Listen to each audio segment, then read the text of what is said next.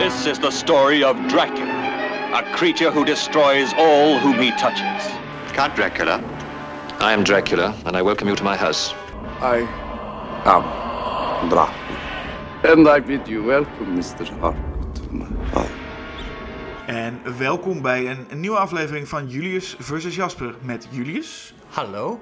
En mijzelf, Jasper. Wat wij hier doen bij deze podcast is wij leggen twee films naast elkaar, nemen het allebei voor één van die twee films op en één van die twee mogen we nooit meer zien. Welke zou dat zijn? Daar gaan we het dus over hebben.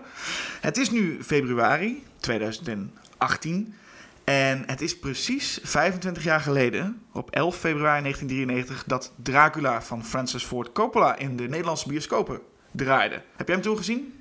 Nee, toen was ik eh, zes. Nou, dat is toch een mooie leeftijd voor Dracula? Eh, ik weet niet of ik überhaupt al iets van Dracula gezien had op die leeftijd. Er zijn natuurlijk vrij veel eh, eh, kinderversies van gemaakt voor een horror-icoon. Ja, want het is eigenlijk een mooie excuus om het eens te hebben over, nou ja, misschien wel werelds bekendste horror-icoon aller tijden. Mag we bijna wel zeggen, denk ik, Dracula. Ja, sowieso een van de bekendste fictieve personages en een van de meest verfilmde en ook in de meest verschillende verschijningen verfilmde personages. Ja, de vampier. En ik bedoel, ga een, een, een, een, een een feestwinkel binnen, de vampiertandjes liggen er wel. Iedereen kent in principe Dracula. Eh, staat overal, nou ja, in die Universal Monsters, natuurlijk Frankenstein's monster en, en The Wolfman. Maar ik denk dat Dracula daar ook misschien wel de bekendste is. Zeker. En hij, en hij is, sterker nog, hij overschaduwt ook alle andere vampiers. Bij een vampier is toch het eerste wat je denkt Bela Lugosi's eh, performance. Waar we vandaag trouwens, die gaan we niet bespreken. Die gaan we niet bespreken, nee. Dus even kort, we gaan wel kort even de geschiedenis in. eh, en dan gaan we over de films waar we het over gaan hebben. Maar in 1897 was er het boek Ja, van Bram Stoker. Ehm, en eigenlijk de, de eerste verfilming, er is volgens mij, was er ergens vaag op internet gezien, eentje daarvoor. Maar eigenlijk in 1922 was de eerste verfilming. Niet volledig officieel. De namen werden allemaal aangepast vanwege de rechten, maar Nosferatu. ja. Met eh, Max Schreck als Count Orlok. Nou, Count Orlok is, eh, is puur heet Count Orlok, omdat Count Dracula niet mocht. Eh, nee, en ze hoopten inderdaad door die namen te kiezen ehm, beschuldigingen van plagiaat te vermijden. Niet gelukt. De, de weduwe van Stoker heeft eh, het voor elkaar gekregen dat die film toen verboden is. En dat eh, alle bestaande kopieën vernietigd moesten worden. Nou ja, dat, dat, dat is toen geprobeerd. Maar daar zijn ze gelukkig niet helemaal in geslaagd. De film is nu nog gemakkelijk te zien. Is gemakkelijk te zien. En het is een, een, ja, een goede film, toch? Het is wat mij betreft ook eh, zonder twijfel de beste Dracula-verfilming die er is. Ja, ik denk dat ik dat ook wel zou stellen. Dus dan zijn we Maar daar in ook- ieder geval. Maar ook daar gaan we het niet over hebben. Nee, daar gaan we het niet over hebben. Dus dat is, en in 1924 kwam er nog een toneelstuk. Dat, eh, nou, voor die mensen die nog leven die die ooit gezien hebben, laat ons weten hoe die was. En het is natuurlijk vooral 1931 waarin Bela Lugosi voor het eerst te zien was Ja. als Dracula. En die film is veel meer een verfilming van het toneelstuk dan van het boek. Ja, En dat zie je ook echt. En ook hoe het eh, gefilmd is. Het is een ontzettend eh, toneelachtige film. Ook hoe de, hoe, de, hoe de shots geblokt zijn. Alle personages naast elkaar met hun gezicht naar de camera heel vaak. Eh, heel veel dialogen. Nou ja, het, een ontzettend gedateerde film. Maar de performance van Lugosi staat nog steeds. En ook die van Dwight Fry als eh, Renfield, zijn geschifte handlanger. Ja, het is eigenlijk de, de. Het is een van de bekendste. Ik wil niet zeggen de bekendste eh, Dracula, denk ik. Maar het is wel. Nou ja, de eerste, om het maar zo te zeggen. Nou, de, de, de, Lugosi is, is wat nog steeds waar iedereen aan denkt bij Dracula. Ook, ik bedoel, ook mensen die niet de naam Bela Lugosi kennen, zien dat beeld, zwarte cape, strak achterover gekamd haar. Dat is Dracula. Ja, hoewel ik dus denk dat, of in ieder geval wat, wat in ieder geval iemand die heel erg in de buurt komt, is Christopher Lee. Die wordt, eh, ook al vond hij dat zelf niet zo fijn om in die rollen geassocieerd te worden, Nee. maar is wel bekend als Dracula. Voor veel mensen. Inmiddels is het misschien een generatie, zijn we nu zover dat Christopher Lee ook veel genoemd wordt als Saruman of Count Dooku. Ik denk dat de meeste mensen inmiddels aan Saruman denken. Ja. Ja. Of in ieder geval aan gewoon een, een, een epic man die nog op zijn 80ste, 90ste eh, rock maakte. En, en gewoon eigenlijk gewoon een epic man met, met geweldige stem. Maar veel zien hem ook als Count Dracula, want dat speelde hij eerste keer in eh, 1958 in Horror of Dracula. Ja. Een Hammer eh, ja, remake, zullen we maar zeggen. Of een ver- nieuwe vertelling van het verhaal. En daar gaan we het onder andere over hebben. Want ik zelf ga eh, Horror of Dracula verdedigen. En waar we het in het begin al over hadden. Die film die 25 jaar geleden dus in de bioscopen eh, te zien was. Maar jij was zes, dus die toen nog niet gezien. Heb je wel ingehaald. Dracula van Francis Ford Coppola. Ja, dat was een van de eerste echte horrorfilms die ik zag. Het was de tweede Dracula-verfilming die ik zag. Want mijn eerste Dracula-verfilming was Vampire in Brooklyn met Eddie Murphy. Dat zou misschien ook een van mijn eerdere geweest kunnen zijn, ja. ja, en dat is, nou goed, het is geen eh, officiële Dracula-verfilming, maar dat, dat verhaal heeft wel ontzettend veel parallellen met het eh, boek van Stoker. En ik was toen eh, een jaar of tien, denk ik. Toen was ik ontzettend fan van Eddie Murphy.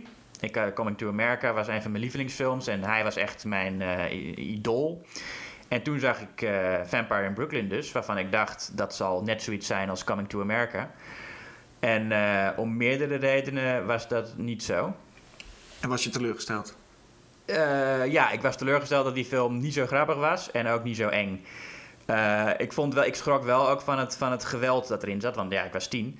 Maar, maar dat was de, de, de film die mijn, eh, ja, een beetje mijn eerste ervaring met zijn min of meer serieuze horror qua geweld. Nou ja, ik kan zeggen, ik heb bijna hetzelfde. Alleen ik was groot fan van, van Wes Craven. En ging daarom ook Vampire in Brooklyn kijken. En ik verwachtte het zal wel zoiets zijn als Nightmare on Elm Street. En werd ook teleurgesteld. Juist omdat die film een beetje een, een, een knullig horrorcomedy was. En ik verwachtte eigenlijk iets anders. Ik kende Eddie Murphy juist niet zo goed. Maar eh Wes Craven weer. Dat we het nu de hele tijd over Vampire in Brooklyn hebben. Dat is ook wat, laten hè? we daarmee stoppen. Want, Laten we het over Dracula gaan hebben. En ik kan eerlijk zeggen, Dracula was nooit een van mijn favoriete horror-iconen. Ik, ehm, ik merkte van ook de Universal horror-iconen, maar ook de latere. Ja, ik als kind sowieso wilde ik echt iets monsterlijks. En iets monsterlijks als het monster van Frankenstein, The Wolfman, Creature eh, eh, van The Black Lagoon. En nu ook meer Jason, Michael. Waren allemaal soort monsterfiguren. En dat was Dracula niet. Dracula was een, een soort charmeur eigenlijk. En daar had ik als kind in ieder geval echt zoiets van... Ja, wat moet ik met die man? Zo'n man met achterovergekant haar die vrouwen inpalmt. Dat, dat kon ik in ieder geval heel weinig mee. Ja, je zegt charmeur. Eh, in het boek van Stoker was het een behoorlijk weerzinwekkende figuur en had hij weinig aantrekkelijks, hoe hij voor het eerst beschreven wordt daar.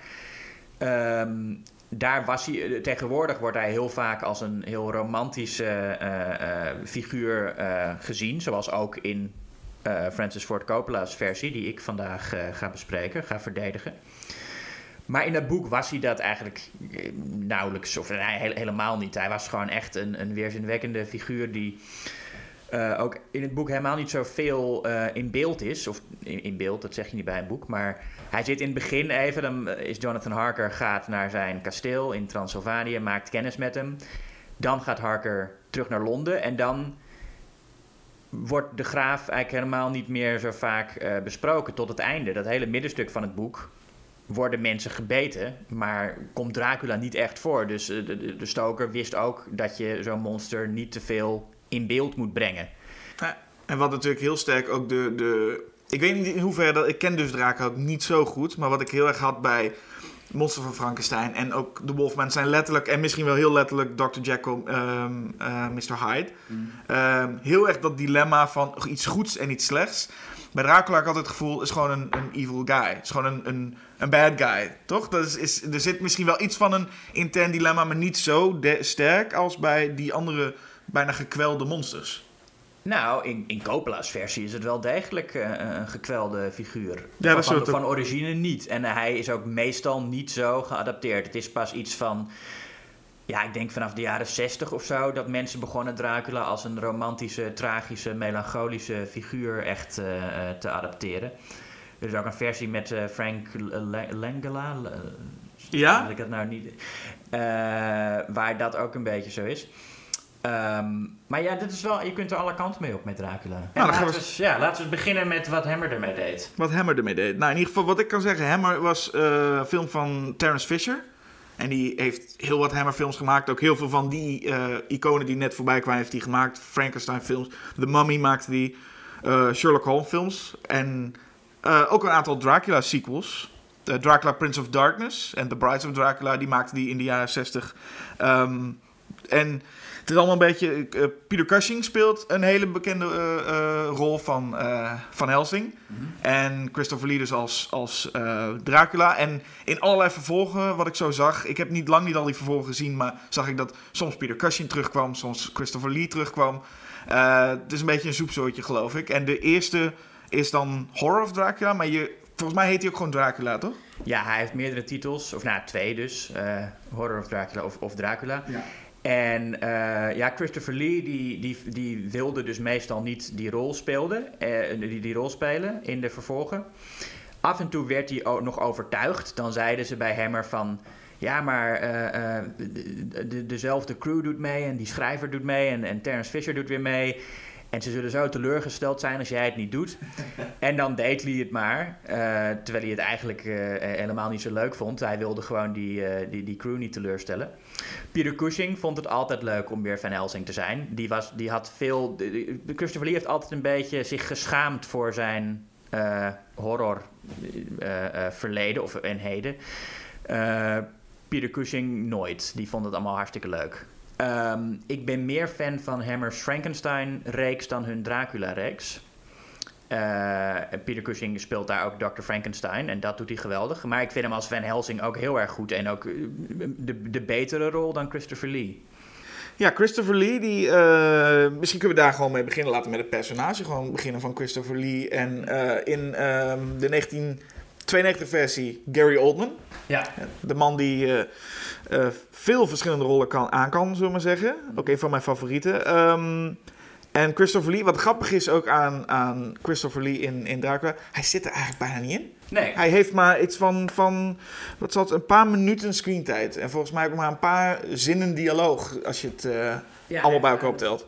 In, in de eerste scène waarin hij voorkomt, stelt hij zichzelf voor. Zegt hij, ik ben Dracula, welkom in mijn huis, dadadap. En daarna zegt hij eh, eh, helemaal niks meer, die hele film.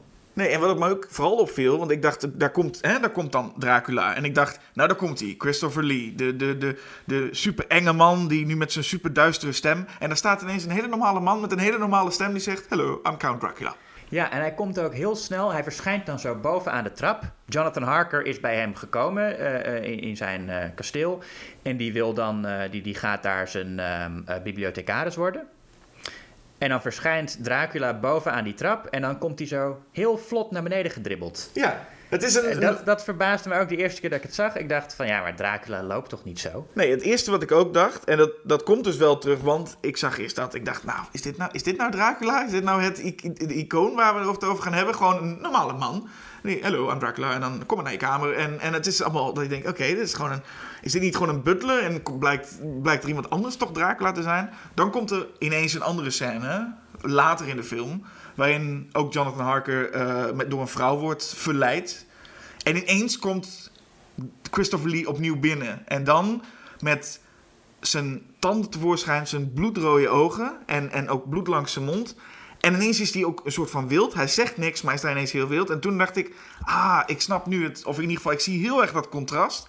En dat maakte die Dracula die daar ineens binnenkwam stomen ook veel enger. Dan als ik al meteen een soort eng personage zag. Ik zag een normale man en ineens kwam hij heel anders binnen. Dus toen dacht ik ineens, ah, ik vind dit dan eigenlijk nog wel werken.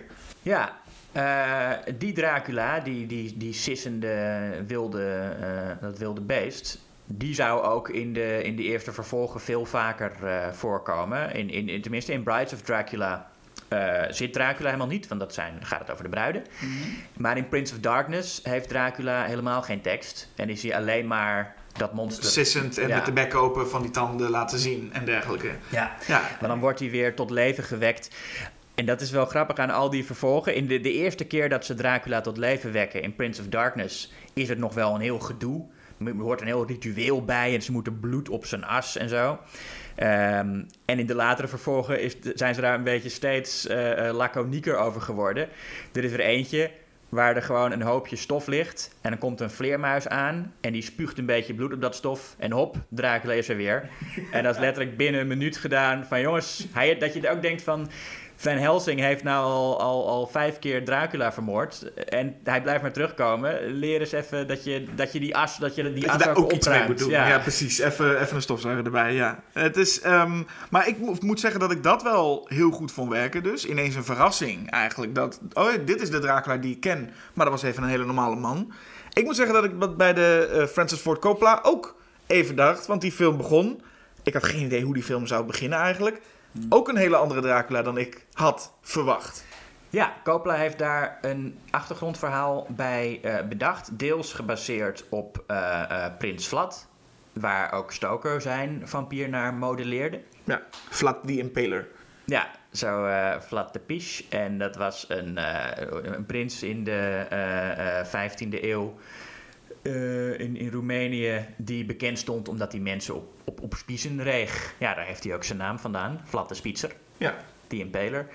Eh, en daar heeft Coppola een, een- ja, een heel romantisch, fictief verhaal bij verzonnen... dat zijn vrouw eh, zelfmoord heeft gepleegd, dat ze dacht dat hij dood was... en dat hij toen het, eh, het geloof heeft afgezworen en, en vampier is geworden. Nou, ja, dat is allemaal, komt allemaal uit het brein van eh, Coppola. Dat is niet historisch eh, zo gegaan. Ik had het ook niet, als ik, als ik een van de dingen aan mag wijzen waar ik in ieder geval niet echt in kon komen, was het dat, dat element. Daar ben ik niet zo'n groot voorstander van. Nee, ik vind dat verhaal. prachtig. Vind je dat? Nou ja, hoe, ik vind het prachtig hoe het gedaan is. Het verhaal op zich, ja, dat is gewoon een, een soort romantisch verhaaltje. Maar hoe dat gefilmd is... Die hele openingsscène, dat, dat eerste shot en dat vallende kruis en die muziek. Je hebt het over de, de gevecht, eh, de, de soort van veldslag, geloof ik. En die veldslag die ook schitterend is met, met een soort schaduwspel waar je ziet hoe Dracula die poppetjes aan zijn spies rijgt in het slagveld. En het is eh schaduwspel, dus alleen maar silhouet met een bloedrode achtergrond. Ja, het ziet er, je ziet meteen dat het nep is. En toen ik dat voor het eerst zag, toen was ik eh, 11 of 12 of zo. Toen moest ik bij die scène ook lachen. Ik dacht van, jezus, dit kun je toch niet maken? Maar nu zie ik dat dat na- na- natuurlijk ook niet, eh, helemaal niet de bedoeling was. is. Ja, precies, dat het de bedoeling is. En, en het is zo'n gewaagde stijlkeuze om, om aan het begin van je film al zoiets overduidelijks eh, kunstmatigs te doen. Ja. Nou, tot, en tot zover kan ik ook met je meegaan dat ik denk, oh, dat is inderdaad interessant. Vervolgens kwam, eh, komt Gary Oldman een, een soort van het, het kasteel binnen. En, en is in, in een toch wel eh, mal ridderpak hoor. Ik vind, maar, ik vind het maar De raar. kostuums zijn prachtig. Ja, ik vind, ik vind het maar een raar apenpak wat hij aan heeft. Maar vervolgens, en ik, wi- ik wist gewoon niet wat ik zou krijgen. Maar vervolgens dacht ik, oh mijn god, we krijgen weer een theatrale kiets te zien. De man eh, eh, gaat zijn het acteren. En we weten allemaal dat Gary Oldman kan overacteren als de beste. En dat doet hij hier ook, ook volledig. En vervolgens meerdere malen, in de eerste paar minuten, gooit hij een paar keer zijn armen omhoog en roept hij, no! En ik dacht, oh god, krijgen we zo'n film? Daar was ik niet op voorbereid. Ik had een paar stils, weet ik, gezien Gary Oldman in de, in de oude make-up. En ik dacht, oh, dit kan best wel een, een duister, gruwelijk iets worden. Maar even die openingsscène bracht me volledig van, van mijn stuk dat ik dacht, waar Christopher Lee juist dat hele ingetogen had, dat ik dacht, is dit Dracula? Dacht ik dat bij Gary Oldman compleet in het tegenovergestelde, zo over de top. Ik, ik kon er moeilijk in komen als ik dat zie. Ja, maar dat is, alles aan die film is over de top eh, en, en, en kunstmatig en... eh, Kietje. Nou, ik, zou, ik weet niet of ik het kitsch zou noemen. Het is, het is heel, het is opera. En, maar het is allemaal prachtig uitgevoerd. De muziek, de, de, de composities, de, de, de kostuums, de sets. En het is helemaal in studio gedaan en met effecten die mogelijk waren in de jaren 20. Dat was de uitdaging voor Francis Ford Coppola. Hij had een heel ambitieus eh, idee voor wat hij allemaal wilde met Dracula. Maar hij wilde het allemaal in de studio doen. En allemaal met special effects die ze in de jaren 20 al hadden. En toen had hij eerst een special effects team ingehuurd. En die zeiden allemaal van nee, maar dat, dat, dat kan niet.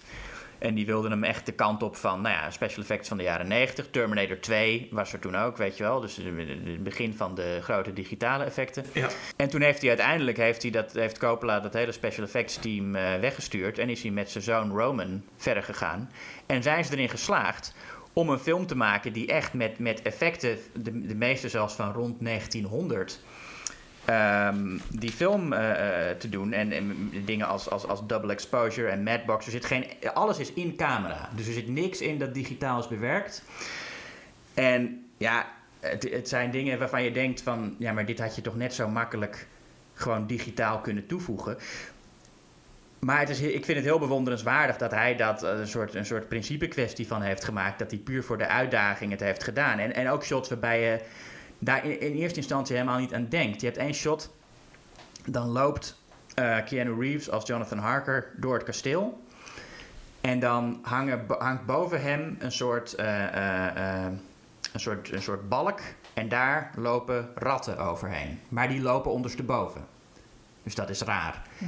En hoe ze dat gedaan hebben, ze hebben eerst gewoon een balk gefilmd waar ratten overheen lopen. Met een matbox in de lens, waardoor de camera zeg maar eh, eh, de helft van het beeld filmt. Dus je hebt, je hebt zo'n filmrol en maar op de helft van die filmrol eh, staat een plaatje. staat een plaatje. En daarna hebben ze die filmrol omgedraaid en die matbox bij, over die ratten gedaan, zodat je de andere helft filmt. Dus het is gewoon op, op één filmrol krijg je dat beeld. En als je die scène ziet, dan is dat helemaal niet iets wat je merkt. Weet je wel? Je denkt van, nou, dat is gewoon... eh, dat is- Dus eigenlijk informatie die als je, ehm, als je het achteraf weet, denk je interessant. Op het moment dat je het ziet, denk je, oké. Ja, precies. Je hebt ook dat moment dat, dat, dat Gary Oldman als Dracula door Londen loopt en dat eh, eh, gefilmd is zoals een film er in de jaren 1900 uitzag. Zou je ook heel gemakkelijk met een, met, een, met een filtertje kunnen doen. Heeft Francis Ford Coppola echt een pathé-camera uit 1900 voor gebruikt? Nou ja, dat soort dingen, als, ja, dat, dat voegt heel veel toe als je dat weet. Maar ook als je het niet weet, als je die film kijkt, je, Je voelt wel daar, je voelt wel echt, er is hier iets anders. Dat, dat kun je wel zeggen. En, en je voelt gewoon inderdaad eh, eh, een, soort, een soort liefde voor film. ehm, die ook echt teruggaat naar hoe film. Hoe, hoe dat vroeger eh, gedaan werd rond het jaar 1900. Het verhaal speelt zich natuurlijk al af rond, rond 1900. Toen is het boek geschreven, toen kwam film op. Ja. Toen had je Georges Méliès en eh, Alice Guy Blaché. Twee Franse mensen. Georges Méliès was, die, die kwam uit de wereld van de kermisattracties, wat film toen vooral ook was. Eh, Alice Guy Blaché was secretaresse bij een bedrijf dat camera's maakte. En zij waren de eerste twee, die hadden verder niet met elkaar te maken, die werkten niet samen, maar zij waren de eerste twee mensen die begonnen met ehm, narratieve film. Daarvoor had je natuurlijk de gebroeders Lumière die zo'n trein filmden die langs reed. En dat vonden mensen toen al heel bijzonder om te zien. Maar Guy Blaché en Méliès, dat waren de eerste die echt verhalen gingen vertellen. En heel veel met special effects gingen doen. En in die traditie is Coppola eigenlijk eh, verder gegaan met dingen die eh, nog steeds ontzettend indrukwekkend zijn. Ik vind uh, puur op, op special effects gebied, ik denk de, de laatste film die echt iets heel bijzonders heeft gedaan. Ik bedoel, die digitale effecten die, die daarna allemaal zijn ontwikkeld. Ook knap. Ook, oh, ja, ook knap. Maar, ik, ik, maar ik, als het echt gaat dat ik echt overweldigd ben... dan is Dracula, denk ik, de laatste film die dat... Nou ja, oké, er zijn wel een paar motion capture dingen... die ook wel heel veel indruk maken. Nee, Oké, laat ik niet zeggen de laatste film, maar wel... eh, de film die mij nog steeds... e- Een van de films die mij het meest eh, verwondert met de special effects. Ja, maar dan, kan ik me daar heel goed in vinden dat het, het knap is en goed dat die, die special effects, dat hij op die manier heeft aangepakt. En dat voel je ergens ook wel als je de film kijkt. Maar wat ik ook heel erg voel, is dat Coppola zo bezig was met die special effects en die visuele trucjes eigenlijk, die hij allemaal aan het uithalen was, dat hij vervolgens tegen zijn acteurs zei, weet je, doe maar wat. En dat is iets wat ik bij alle acteurs zie, hoe goed of hoe slecht ze ook zijn. En eigenlijk daaruit blijkt een beetje, want de toon van die film is all over the place. Maar de acteurs doen ook elk hun eigen ding. En ik vraag me heel sterk af, zit hier dan wel regie achter? Je ziet alsof die film heel erg geregisseerd is op visueel vlak. En wat je nu ook omschetst, kwam dat ook heel nauw. Maar op wat ik, wat ik zie wat er gebeurt op acteren, is... Nou, Gary Oldman en Anthony Hopkins, die zijn goed van zichzelf. Maar lijken in mijn ogen in die hele film behoorlijk stuurloos. Dat ze wat aan het doen zijn. Ik vind ze allebei geweldig in die film. Als je, als je van die, in die sfeer zit, wat ik al zei, Oldman die, die kan heel erg overacteren. Doet hij hier ook ontzettend. Ehm, en redt zich wel. Maar dat komt volgens mij vooral omdat Oldman en ook Hopkins gewoon goede acteurs zijn. Iets minder goede acteurs zijn bijvoorbeeld Keanu Reeves en eh, Winona Ryder. En die zijn allebei ook echt werkelijk waar, meen ik, ongelooflijk slecht. Ik vind Winona Ryder eh, niets mis mee. Keanu Reeves, het is vooral zijn accent. eh, wat hij gewoon, hij, hij doet een Brits accent en dat kan hij niet. Hij, maar hij kan niet. Hij, hij, speelt. Het is, hij speelt werkelijk waar het mee. Het, is, het, is, nou ja, het wordt ook overal gezegd. Je kan ook geen enkele goede recensie. Maar het, klopt ook echt. Keanu Reeves. Het, het slaat Nou ja. werkelijk waar helemaal nergens op wat deze man daar aan het doen is. Het probleem met hem is, hij had gewoon in het stille tijdperk geboren moeten zijn. Maar hij is een heel fysieke acteur. Als hij gaat praten, dan merk je meestal dat hij gewoon heel beperkt is.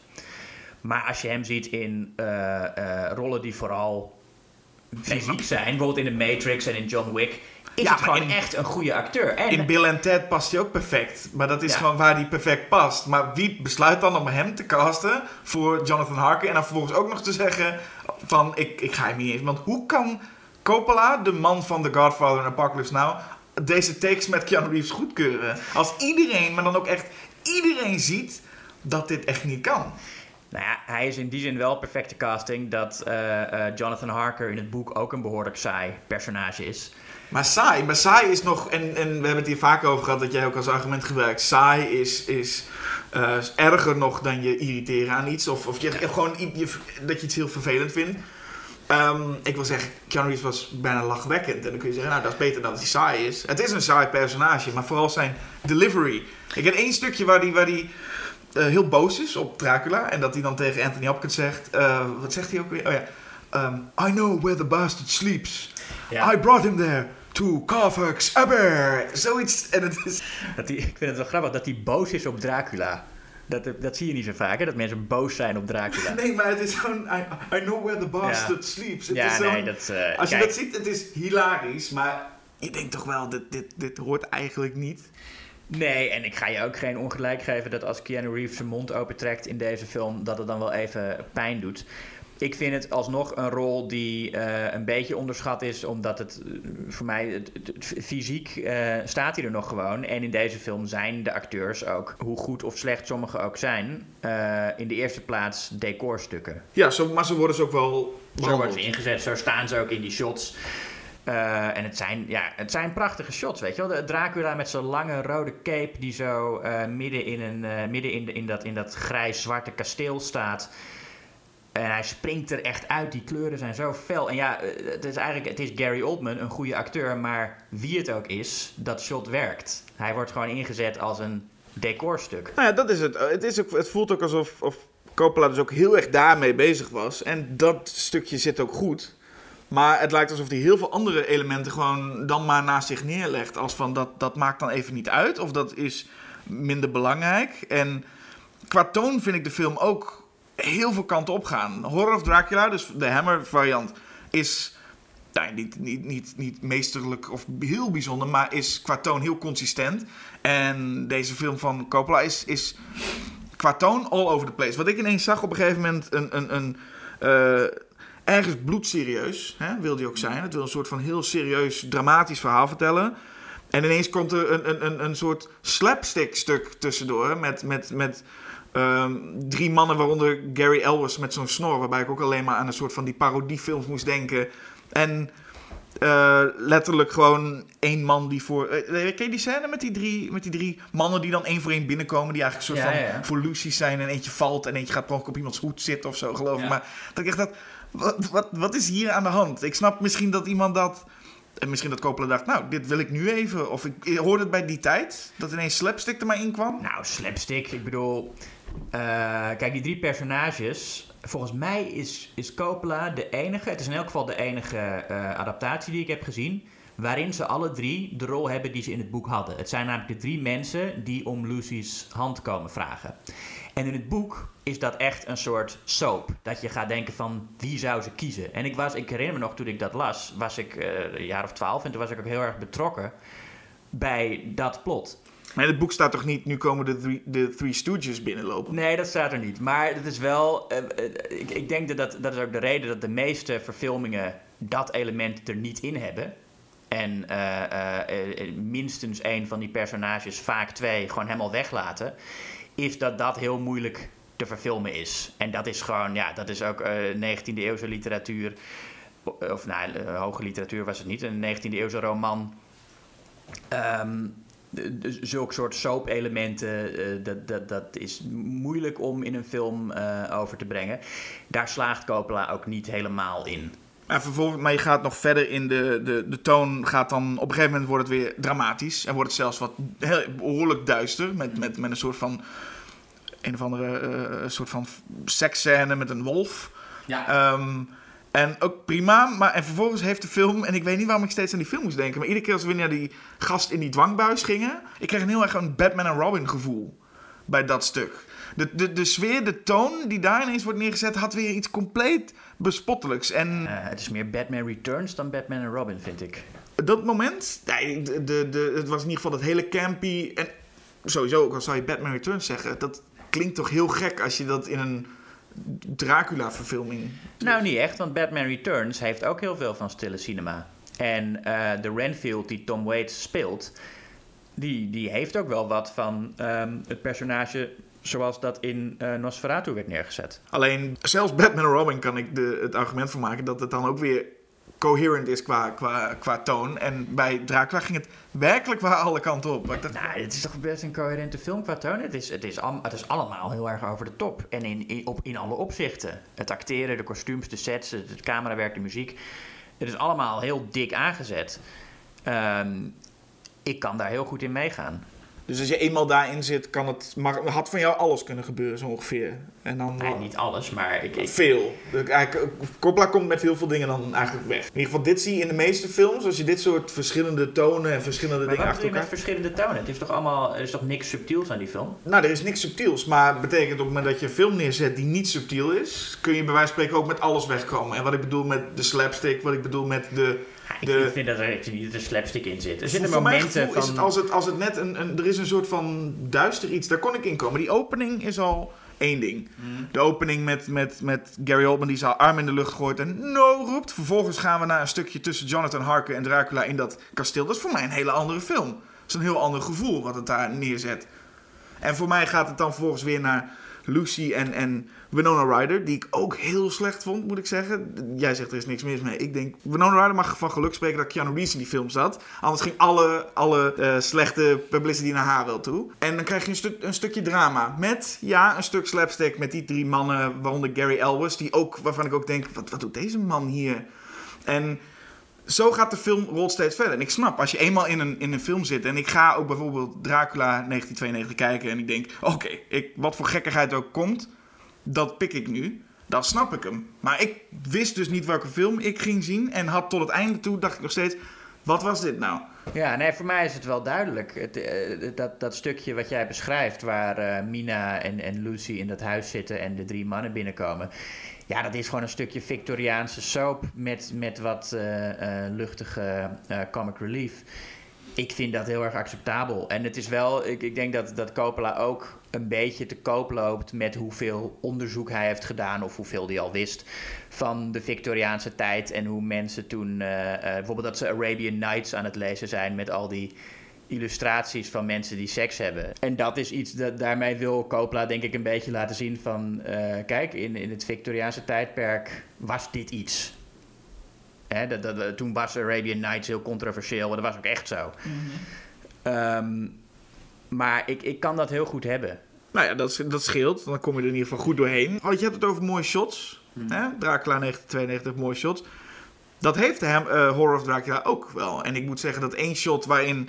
eh, het gaat in dit geval ook om Lucy, die in haar slaapkamer ligt... en Dracula staat ineens voor dat raam en, en, en komt dan binnenlopen. Heel, heel intimiderend ook is. En ik vind Dracula daar ook veel intimiderender dan eh, eigenlijk Gary Oldman... Want dat hele romantische geneuzel, dat hoefde voor mij ook echt niet. Ik merkte dat eh, Christopher Lee was gewoon op zoek naar bloed. Dat was gewoon, hij was gewoon een, een roofdier dat, dat, dat doelgericht dat bloed van haar wilde drinken. En Gary Oldman was meer een beetje een, beetje een, een, beetje een zeikertje, toch? Ehm, hij is wel in die zin een gedateerd personage. Dat het allemaal heel zielig gevonden wordt eh, wat hij eh, allemaal doet. En ik kan, dat, ik, ik, ik, kan daar goed mee, ik kan het goed hebben, omdat het zo'n over de top film is. Als, het, als hij iets eh, subtieler van toon was, zou het me denk ik heel erg irriteren hoeveel medelijden wij geacht worden te hebben met eh, Dracula. Je hebt ook het verhaal dat, dat, dat, dat Winona Ryder op zijn vrouw lijkt. En dat hij daarom zo... Nou ja, dat zij de reïncarnatie is van zijn vrouw. Dat, dat wordt volgens mij wel. eh, dat is gewoon zo. Ja, maar dat is bedoel, dus... hij denkt dat, maar het, eh, de connectie die zij hebben, daaruit blijkt ook wel echt, en dat is iets wat, wat Coppola heeft toegevoegd aan het verhaal. Mhm. Ehm, dat is gewoon echt zo. Het is niet dat ze alleen maar op elkaar lijken. Trouwens, in het begin zit Winona Ryder speelt ook die, die Ja, vrouw. precies. En, en Anthony Hopkins speelt daar ook iemand, hè? Die speelt in die, in die openingsscène. Ook, Dat had ik niet eens in de gaten. Anthony Hopkins speelt daar ook een soort van ander, ander personage. Die, die ene man die, die, waar, die boos, waar Dracula boos op wordt. Met Ah, die dan, baard. Dan, dan Dus- leer ik weer eens iets nieuws over eh, toch wel een van mijn lievelingsfilms uit de jaren 90. Moet ik Oké, nou ja, de, de- ik, ik wou je ook vragen waarom dat nou precies was, maar dat weet je dus ook Nee, niet. Oké, nou ja, Anthony Hopkins speelt daar ook een, een rol. Hmm. Wat moet ik van ik dus moet zeggen, als we het toch over Anthony Hopkins hebben. Ehm, die Dracula eh, 1992 legt heel erg de focus bij die driehoeksverhouding van eh Ryder en Oldman en dan Keanu Reeves. Ja. En ehm, wat in mijn ogen het, het beste werkte en wat ik ook heel goed vond aan, aan de, eh, de Hammer-versie, is dat je gewoon heel duidelijk een Dracula versus Van Helsing krijgt. Wat voor mij een beetje gewoon de strijd is die je moet hebben. Je moet Ja. Dracula en Van Helsing tegenover elkaar hebben. Dat is gewoon een beetje de... de ja, daar komt het een beetje vandaan, toch? De, de, de man, de, de- de schurk en de, de, de good guy. Ja, het personage van Jonathan Harker wordt ook in heel veel verfilmingen eh, veel minder groot gemaakt dan hij in het boek is. En dat is ook eh, heel logisch. Eigenlijk komt het, het Van Helsing versus Dracula komt in, in die van Coppola eigenlijk nauwelijks aan bod. überhaupt. Nou, nauwelijks aan bod. Je, hij is wel al vrij lang op jacht naar Dracula van Helsing. En, Ja, dat hoor je. Je hoort dat hij daar... En, en hij, hij roept een paar dingen en hij ziet een paar dingen. En dan zegt hij, ja, dat heeft hiermee te maken. Maar, maar de Horror of Dracula met Peter Cushing... dat is echt het verhaal van Van Helsing.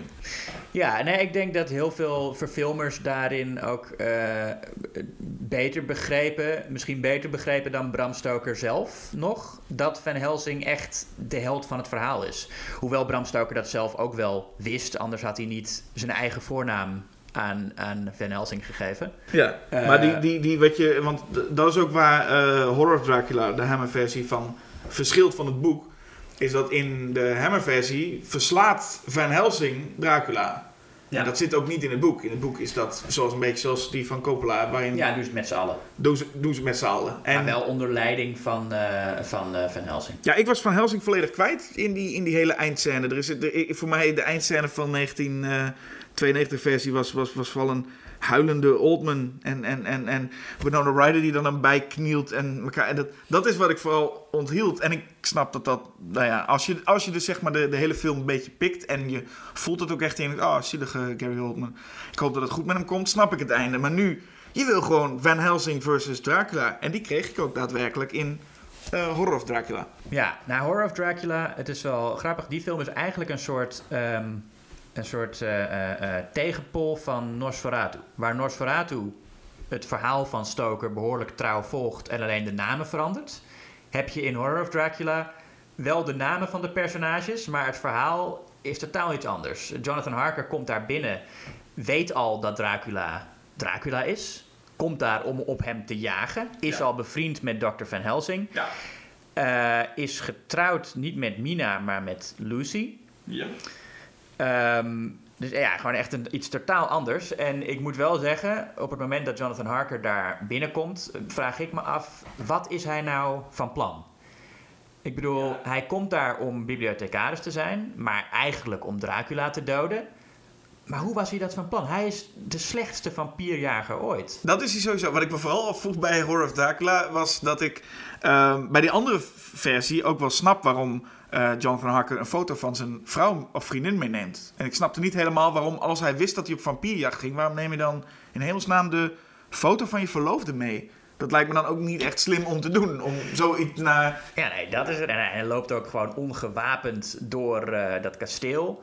Hij, hij doodt eerst dan eh, een, een, eh, eh, de bruid van Dracula. Terwijl hij weet dat Dracula zelf gewoon in een kist in diezelfde ruimte ligt. Gaat hij eerst die vrouw met een staak doorboren. En blijft ook best wel lang naar haar staan kijken. Ja, Terwijl ze verandert dan in Dracula- een oude, een oude dame. Ja. Wat er volgens mij visueel wel heel goed uitziet, moet ik zeggen. Dat is goed uitgevoerd wel. En dan wil hij naar Dracula en die blijkt niet meer in zijn kist te liggen. Best wel een toffe scène ergens ook, dat Dracula volgens gewoon boven staat. Ja. eh, en de deur dicht doet. Vond ik wel werken, maar als je goed denkt dat Jonathan Harker ergens daar met een missie kwam, denk je, hij was niet zo heel goed in wat hij, wat hij deed. Maar daarom hebben we Peter Cushing ook. Ja, precies. Peter Cushing durft er dan wel op. En dan is het ook wel... Ik bedoel, het is sowieso een mooie, een mooie film. Met ook, ook mooie decors. Mooi, mooie meubels vooral, vond ik. Ehm, en een geweldige Peter Cushing als held. Die Dracula ook echt op een eh, spectaculaire manier doodmaakt. Je vraagt je af... Waarom heeft Dracula in zijn kasteel ramen met gordijnen als hij niet tegen zonlicht kan? Maar goed, dat eh, accepteer je dan. En hoe, hoe hij eh, door het zonlicht vergaat, dat is erg mooi gedaan. Een van de scènes die oorspronkelijk gecensureerd is. Ik weet niet of jij de oorspronkelijke versie heeft gezien of de latere eh, Blu-ray versie waar de gecensureerde versies weer terug zijn. Want, wat is het verschil? De, de dood van Dracula is iets explicieter in die versie. Mhm. En de scène waar hij eh, ehm, Lucy bijt, is, wat, eh, is wat erotischer. Of althans erotischer. Daar, daar zit wat duidelijker... ja, gewoon de, de bedoeling was erotiek in. Oh nee, ik heb juist volgens mij dan de versie gezien waarin dat niet zat. Eh, want ik merkte heel sterk, juist door ook die twee films zo naast elkaar te leggen, dat ik merkte bij. eh, er zat helemaal geen, ook geen seksuele ondertoon, zeg maar. Het was gewoon Christopher Lee was gewoon zeg maar, de Dracula die gewoon kwam. Ik kom hier voor dit, hap. Ja. Oké, ik heb wat ik wou. Tot ziens. En er zat helemaal. En dat vond ik ook ergens fijn. Omdat in tegenstelling tot die van, van Coppola was het voornamelijk dat, he, oh, dat eeuwige tussen Oldman en Ryder ge, ge, geflirt. En ik snap dat dat dan ook het doel was. Maar ik dacht, oké, waar is Anthony Hopkins met zijn, met, zijn, met zijn houten staak? Kom op. En doe eerst Keanu Reeves dan even. En daarna... ehm, ga daarna maar achter Dracula aan. Ik miste dat heel sterk. Die, die Hopkins versus Oldman. Dat klinkt nu toch ook al tof als je het nu zo hoort. Ja, Waar was dat? Nou ja, eh, niet in die film. Ja, weet je, ja, dan ben je het praten over, over de film die je had willen zien. Ja, dat, Eh. heel graag. Zonder Keanu Reeves en met Oldman en Hopkins die tegen elkaar... eh, Ja, maar goed, dan- ik bedoel, dan zou ik ook kunnen zeggen van ja, ik, ik, ik zou willen dat, eh, ehm, ja, noem eens wat. Ik zou willen dat in Jaws eh, die haai vleugels heeft of zo. Dat zou ik niet echt willen, maar Zou, ik- zou ik ook niet willen. Maar ik zou in dit geval wel echt willen dat Keanu Reeves en, en, en Ryder... en niet alleen maar om hun acteren, wel een groot deel... maar überhaupt dat het hele driehoeksverhouding... en zeker dat geflirt om elkaar heen... zou ik veel minder willen hebben in een, in een, in, in een Dracula-film. Ja, ik denk, het is, het is, het is, kijk, Francis Ford Coppola maakt de, eh, de erotiek van het originele verhaal, die daar vrij eh, nog onderhuids en impliciet is, maakt hij veel explicieter. Ehm, wat ook interessant is. Kijk, in dat verhaal eh, van Stoker was de graaf niet een heel eh, eh, romantisch personage, maar er zat wel echt die ondertoon in van. pas op voor de buitenlanders, want ze komen hier naartoe en ze komen misschien wel onze vrouwen versieren. Dat zat er wel al in en dat was natuurlijk heel vaak met vampierverhalen het geval. Maar je weet ook niet waarom hij Dracula werd in het boek. Nee, klopt. En dat weet je bij... En dat had ik ook echt niet hoeven weten... en dat had ik ook niet hoeven zien in de film van Coppola... zie je dat wel. En dat is een stukje achtergrondinformatie waarvan ik dacht... kijk, dan heb ik toch weer zelf liever de, de, de Christopher Lee Dracula... waarbij je niks weet. En Bela Lugosi in dat geval dan ook. Maar je weet niet waarom... Maar het is wel zo. En waarom, waar moesten we weten van... Waar moesten we die achtergrondinformatie eigenlijk Ja, hebben van omdat, Dracula? omdat er al genoeg Dracula-films zijn waarin je dat niet weet. Coppola wil iets heel anders met zijn Dracula. En het is voor mij... eh, het is wel sowieso qua uiterlijk en qua toon gewoon de ultieme vampierfilm. Als ik denk aan wat zou een vampierfilm moeten zijn... dan is dat gewoon echt eh, Coppola's Dracula. Het is een soort, een soort droom van een vampierfilm. Het is zo over de top romantisch en dat is ook wat de vampier meestal is. Dat romantische, tragische personage, dat is hij in de 20e eeuw toch wel geworden. De oorspronkelijke vampiermythes uit, uit Oost-Europa zijn eigenlijk, waren eerst een soort zombieverhalen, waar vampiers gewoon echt een soort wandelende lijken waren die, die eh, niks romantisch hadden en gewoon een beetje rondstrompelden en mensen beten. Mhm. Maar in de 20e eeuw is dat een veel romantischer beeld geworden. En daar is Coppola's film eh, het ultieme voorbeeld van. Mij is het vooral het ultieme voorbeeld van kitsch en, en schreeuwende acteurs. Ja, Dus nee, ik, eh, ik bedoel, ik hou daarvan. Dat, en dat is nu het verschil. Dat, Ik ja, kan me daar voorstellen dat als je daar, en, en in, in alle eerlijkheid, als ik nu de film nog een keer zou zien en weten dat je zo'n film gaat zien, zou het anders kunnen zijn. Daar, zover wil ik dan meegaan erin. Ik kon er nu in dit geval niks mee. Dus als ik nu mes op de keel, welke zou ik nog een keer zien, zou ik zeker nog graag een keertje Christopher Lee en Peter Cushing zien. Ehm, en hoef ik niet nog een keer naar Keanu Reeves te kijken met zijn, met zijn Carfax. Aber. Weet je, er zijn in, in Hammers Dracula-serie eh, een aantal vervolgen die veel, of niet veel, maar die wel echt beter zijn dan de eerste. Ik vind Prince of Darkness en Brides of Dracula allebei eh, beter. Dus wat dat betreft zeg ik die Horror of Dracula. Als ik Christopher Lee als Dracula wil zien en vooral als ik Peter Cushing als Van, Van Helsing wil zien, dan heb ik genoeg andere films waarin ik, dat, eh, waarin ik daar aan mijn trekken kan komen. Terwijl, ja, Bram Stoker's Dracula, dat zal altijd, eh, eh, die, die zal altijd een speciale plek in mijn hart hebben. Deels omdat het een van de eerste serieuze horrorfilms was die ik zag. Maar ook omdat ik gewoon ontzettend hou van die stijl. En het is echt perfect uitgevoerd. One of a kind, zullen we zeggen. Ja. Volgens mij komen we er niet uit. Nee. En denk ik dat het aan, aan, aan de luisteraars maar is om te kijken... wat is je favoriete Dracula dan eigenlijk? Ja, misschien wel die met Leslie Nielsen. Dracula, Dead and Loving It. Ja, daar Van zit Mel wel, Brooks. daar zit één, één goede scène in volgens mij. Hoewel ik vind de Dwight Fry parodie daarin ook wel goed. Ik Beetje- vind het überhaupt wel mooi dat we beginnen met Vampire in Brooklyn... en eindigen met eh, Dracula, Dead and Loving It met Leslie Nielsen. Dat vind ik wel een fijn... Ik vind de scène waarin ze Lucy gaan doodmaken wel leuk. Dat, dat ze met, met, die, met die staak en dat er een enorme hoeveelheid bloed uitkomt. Dus stiekem vinden we die misschien ook wel leuk eigenlijk. Dat, dat is een van de weinige scènes in die film die eh, goed is. Oké, Ja. nou, hou je ook dus van, van, van Dracula Dead and Loving It? Of hou je van, van ehm, Vampire in Brooklyn? Eddie Murphy, Ja, zou kunnen. Misschien toch Bela Lugosi. Of kies tussen een van deze twee films die we net hebben besproken. Horror of Dracula of Dracula van Francis Ford Coppola met Keanu Reeves. Wat het zal worden, maakt niet uit. Stuur een briefkaart zou ik zeggen. Dat doen mensen en dat moet je ook vooral blijven doen. Dus ga gewoon pak pen en papier. Stuur een briefkaart na Schokkend Nieuws. En het adres staat wel ergens. En eh, zeg wat jouw favoriete Dracula is. Ja, Facebook commentaar mag ook hoor. Mag, maar is minder Is romantisch. minder, is minder roman. Ja, inderdaad. Doe eens, doe eens ouderwets zoals eh, inderdaad in die film. Dat is ook nog zo, ja. Geef, zo'n, geef een soort van, ook zo'n zegel op de envelop, weet Ja. je wel? Met een kaars en zo. Als je dat zou doen, dan lees hem sowieso in de volgende podcast voor. Beloofd. Dracula, the bedeviled master of all that is evil. I know where the bastard sleeps. I brought him there.